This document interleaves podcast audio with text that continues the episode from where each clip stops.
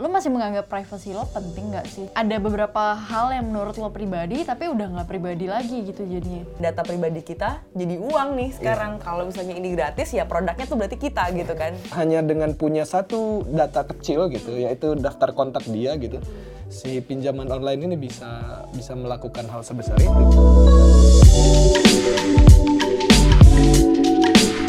Eh kemarin kan di internet eh, tiba-tiba penuh dengan eh, orang-orang yang wajahnya mendadak jadi tua.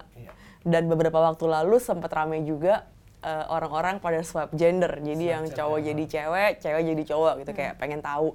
Dan itu cuman muka-muka yang mendadak tua, mendadak jadi cowok, mendadak jadi cewek ini di, diraih dengan hanya dengan menggunakan sebuah aplikasi doang nih, aplikasi gratisan.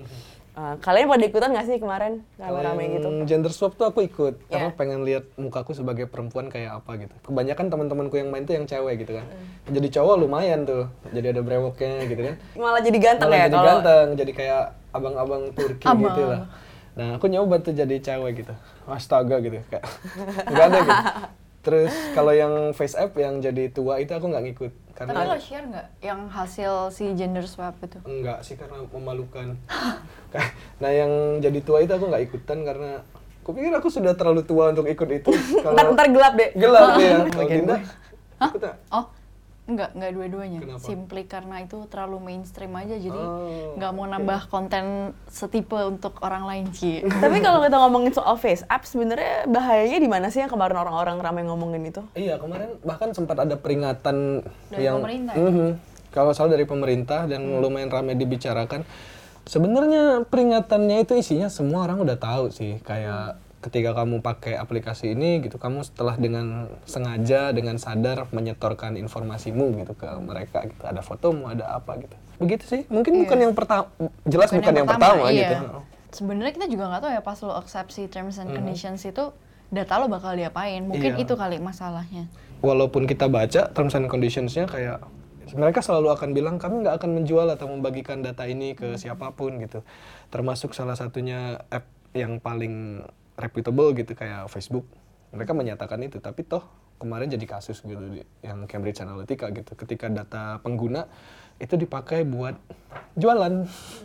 Politik pula jualannya. Di ma- masa kayak gini nih kalau ngomongin soal data pribadi sebenarnya ini gue mau nanya juga sih ke kalian. Menurut kalian nih sebenarnya privacy ini gimana sih gitu? Dan sebenarnya kita nih harus eh, bagaimana bersikap ketika memang semua aplikasi yang ada di dunia ini bisa dibilang 90% itu gratis hanya dengan memasukkan nama, nomor telepon atau email, Email, gitu. atau email dan tanggal lahir gitu ya dan akses untuk eh, masuk ke telepon, ke handphone, ke device yang kita punya gitu loh. Kalau orang zaman dulu tuh eksplorasi dunia tuh keliling dunia gitu ya, harus resikonya naik kapal, iya gitu ya. harus naik kapal, terus eh, resikonya tuh mati gitu di Iya. tengah laut gitu ya. Kalau sekarang mungkin kalau lo mau eksplorasi ya lo eksplorasinya aplikasi gitu. Iya, Ketika eh, eh, mau itu bentuk nanti ada yang eh, augmented reality atau atau maksudnya banyak banget aplikasi Mhm. yang ditawarin di di internet itu untuk menawarkan pengalaman yang baru Iya. kan sebenarnya ketika dunia dengan ketika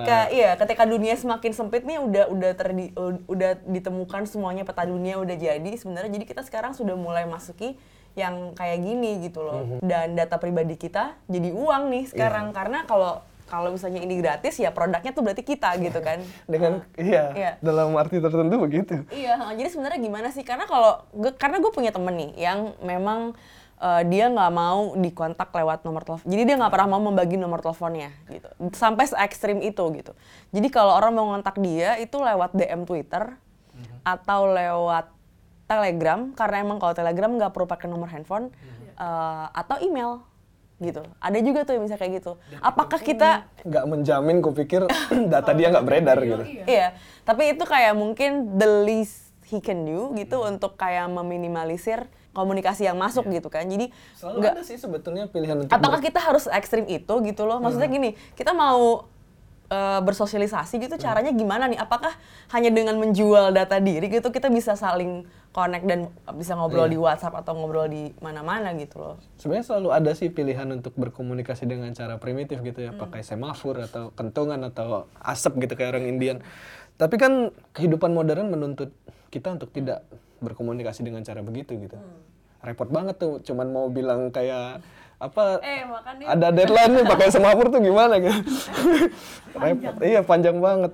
Tapi ngomong-ngomong soal ini ya eh, risiko data yang beredar nih kayak baru-baru ini sekitar dua atau tiga hari lalu aku dapat dapat SMS masih SMS sih bentuknya dari pemberi pinjaman online. Gitu. nah aku nggak ngerti nih kok bisa dapat begini karena nggak pernah ngutang. Keluargaku pun nggak ada yang ngutang gitu. Ternyata dia mengatasnamakan temanku. Anggaplah namanya Jack Gyllenhaal gitu, bukan nama sebenarnya. Eh, katanya tolong Mas ini diingetin temannya Mas Jack ini untuk bayar utang. Gitu.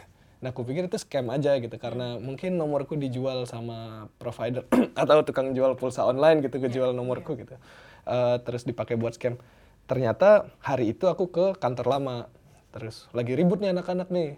Wah kenapa nih Jack Gyllenhaal apa udah nggak laku nih filmnya gitu. Jadi pinjam online gitu kan semua pada dapat ternyata. Dan bervariasi. Kayak aku cuma disuruh ngingetin tapi ada temen yang dapat kayak hati-hati sama Jack Gyllenhaal. Dia adalah seorang sex offender gitu. Wah, kayak pencemaran nama baik. iya, Iya. kayak hanya dengan punya satu data kecil gitu yaitu daftar kontak dia gitu. Si pinjaman online ini bisa bisa melakukan hal sebesar itu gitu bisa. gue baca berita di Solo tuh ada juga ibu-ibu yang dibilang mau pinjam uang untuk bayar sekolah anaknya padahal gitu. Cuman dia telat bayar terus singkat kata si si Pemberi siapa pinjaman. pemberi pinjaman uang ini eh, dia ngontak eh, yang ada di WhatsApp grup eh WhatsApp kontaknya ibu itu gitu. Terus dibilang kalau si ibu ini ngejual diri buat em, membayar utangnya gitu-gitu. Itu kayak lo masih menganggap privasi lo penting nggak sih gitu karena emang mau nggak mau kalau lo hidup di era sekarang emang ada beberapa hal yang menurut lo pribadi tapi udah nggak pribadi lagi gitu jadinya Kalau ngomongin penting apa enggak, gue rasa semua orang ya, semua orang tahu kalau data mereka tuh penting. Masalahnya adalah ada nggak sih opsi buat kita untuk tidak menyerahkan data pribadi, eh, deng- tapi tetap bisa ikut arus yang perubahan yang terjadi di dunia ini gitu loh. Ketika kita pengen tahu eh, latest update atau latest creation dari orang-orang yang bikin aplikasi-aplikasi ini yang memang sebenarnya membuat hidup jadi lebih mudah gitu ya. Eh, tapi kan nggak ada cara lain selain kita ngasih data kita gitu loh. Maksudnya kita sebagai pengguna ini cuma bisa cuma bisa aware doang, cuma bisa ngelatih kesadaran kita dalam memberikan data pribadi gitu. Maksudnya, tapi kan itu semuanya mekanismenya diatur oleh perusahaan teknologi yang yang mengambil profit dari kumpulan data-data ini gitu loh yang karena mereka jual buat iklan buat segala macam gitu ya. Maksudnya kita sebagai pengguna nggak punya kekuatan apa-apa untuk untuk bilang eh, enggak gue nggak mau pakai pokoknya gue nggak mau ngasih data gue. Ya Nggak bisa. hasilnya lo jadi tertinggal Iya. gitu loh. Jadi kayak yang tadinya pengetahuan itu harusnya bisa lebih demokratis gitu bisa semua orang punya ini jadi enggak nih kalau lo memutuskan untuk nggak ikutan gitu loh. Tapi ya bayarnya ya dengan data pribadi akhirnya kan jadi kayak gitu gitu loh. Ah, waktu itu aku lagi nulis soal industri pisang gitu kan. Ah, jadi nyari segala macam lah nih, baca jurnal apa segala macam. Terus berapa hari kemudian setelah tulisannya naik, aku tuh diserbu iklan-iklan obat kuat. Dan mereknya Mr. Banana. Aneh banget. Jadi maksudku kayak aku kan searchingnya pakai Google. Jadi itu kayak karena keywordnya pisang Iya, gitu karena keywordnya pisang, mereka ngebaca, oh ini orang cari banana pisang gitu-gitu kan. Ada nih, kami punya produk nih gitu. Tapi obat kuat gitu. Kayak, oke buat kita ini lucu gitu karena nggak nyambung. Tapi kan kita sebenarnya bisa ngelihat bahwa mereka membaca pola, Iya. mereka punya algoritma yang bisa mengarahkan orang ke produk-produk yang ada di search history orang itu gitu. Iya. Dalam apa kata lain dia tahu minat kita, dia tahu apa yang kita cari Iya. dan dia nyodorin produknya. dan dia bisa mengarahkan minat kita Iya, nah minat pada kita. akhirnya begitu kupikir karena di awalnya mungkin cuman kayak ah, simple gitu Hmm. kita tahu ini upaya marketing yang belum terlalu canggih. Tapi gimana kalau itu dipercanggih sekian kali lipat gitu sehingga bahkan kita tidak menyadari bahwa yang ditawarkan ke kita atau yang apa namanya kita dapat gitu adalah sesuatu yang mereka baca gitu. Jadi kalau Jangan-jangan kita nggak benar-benar punya pilihan. Iya. Dan di titik itu kupikir ketika kita ngomongin privasi gitu, ketika kita ngomongin ini ya ilusi aja gitu. Nah, biar privasi itu nggak sekedar ilusi, gue rasa sih sebenarnya yang paling urgent dari eh, kondisi saat ini adalah gimana caranya pemerintah itu bisa keep up dengan perubahan teknologi sih. Kalau sekarang kan jelas banget pemerintah di seluruh dunia, nggak cuma kita doang, itu emang ketinggalan gitu loh Iya. untuk ngatur regulasi karena memang birokrasi itu nggak bisa bergerak secepat perubahan teknologi gitu. Jadi memang nggak bisa dan dan kita sebagai masyarakat sipil there's only so much we can do gitu. Kita Iya. bisa menuntut macam-macam, bisa menggunakan payung hukum macam-macam, tapi tetap aja kalau emang dari polisinya nggak keatur, susah banget buat Iya. kita sebagai pengguna teknologi yang supaya data itu bisa terlindungin Ya, gitu. aku setuju sih. Kayak sebagai individu gitu nggak banyak yang bisa kita lakukan gitu. Selain kita nggak bener-bener punya pilihan, ya bisa ngapain gitu dalam situasi kayak gitu ya. Cuma bisa terima aja, dapat SMS, dapat Iya. iklan gitu. Pemerintah gitu yang dia punya hak untuk bikin regulasi gitu. Ketika sebuah perusahaan ini beroperasi di satu negara, kan dia harus lewat pemerintah nih. Kayak Cina misalkan dia nggak bolehin, ya nggak boleh gitu kan.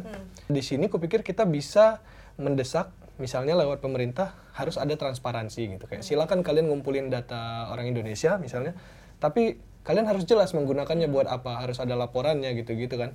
Kupikir hal terjauh yang bisa kita harapkan tuh itu jadi kalau kita menganalogikan kehidupan sekarang ini kayak ada dalam penjara gitu dengan pemilik data itu sebagai panoptikon gitu atau menara pengawas gitu yang tahu semua yang kita lakukan gitu paling nggak kita pengen tahu dong menaranya ada di mana. Kalau dulu tuh kenapa orang-orang bisa mulai lebih sadar lingkungan, eh, lebih sadar atas, atas bahaya lingkungan tuh mereka dianjurkan untuk bertanya gitu kayak misalnya lo makan sushi di restoran itu kayak ini dapat eh, bahannya dari mana? Apakah ini dari lokasi yang overfishing atau enggak? Kalau kalau di luar negeri tuh tahapnya udah udah kayak gitu.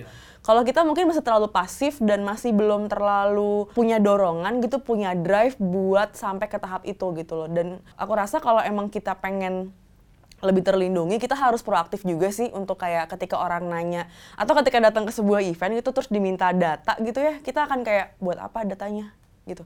Kayak kita sudah mulai boleh bertanya sih kalau memang kita harus memberikan data pribadi kita boleh bertanya itu buat apa? Mungkin walaupun tidak mengubah banyak paling enggak kita sendiri punya kesadaran untuk terus-terusan kritis ya. Dan jadi membatasi apa yang bisa lo bagi. Hmm. bukannya bisa sih membatasi apa yang menurut lo harus lo bagi dan enggak gitu. Jadi Iya. nah ketika kesadaran masing-masing itu sudah jadi kesadaran kolektif hopefully itu bisa jadi norma pada akhirnya nah iya.